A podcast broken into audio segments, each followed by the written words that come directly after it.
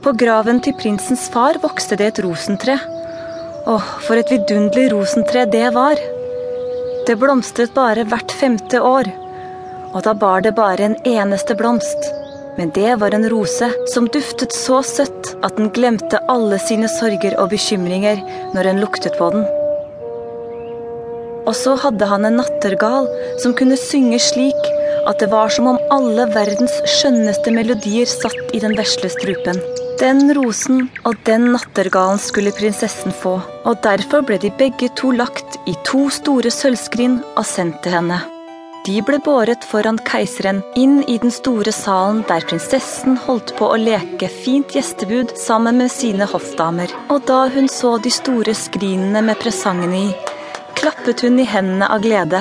Åh, tenk om det er en liten pusekatt, sa hun. Men så kom den vakre rosen fram. Nei, så nydelig den er laget, sa alle hoffdamene.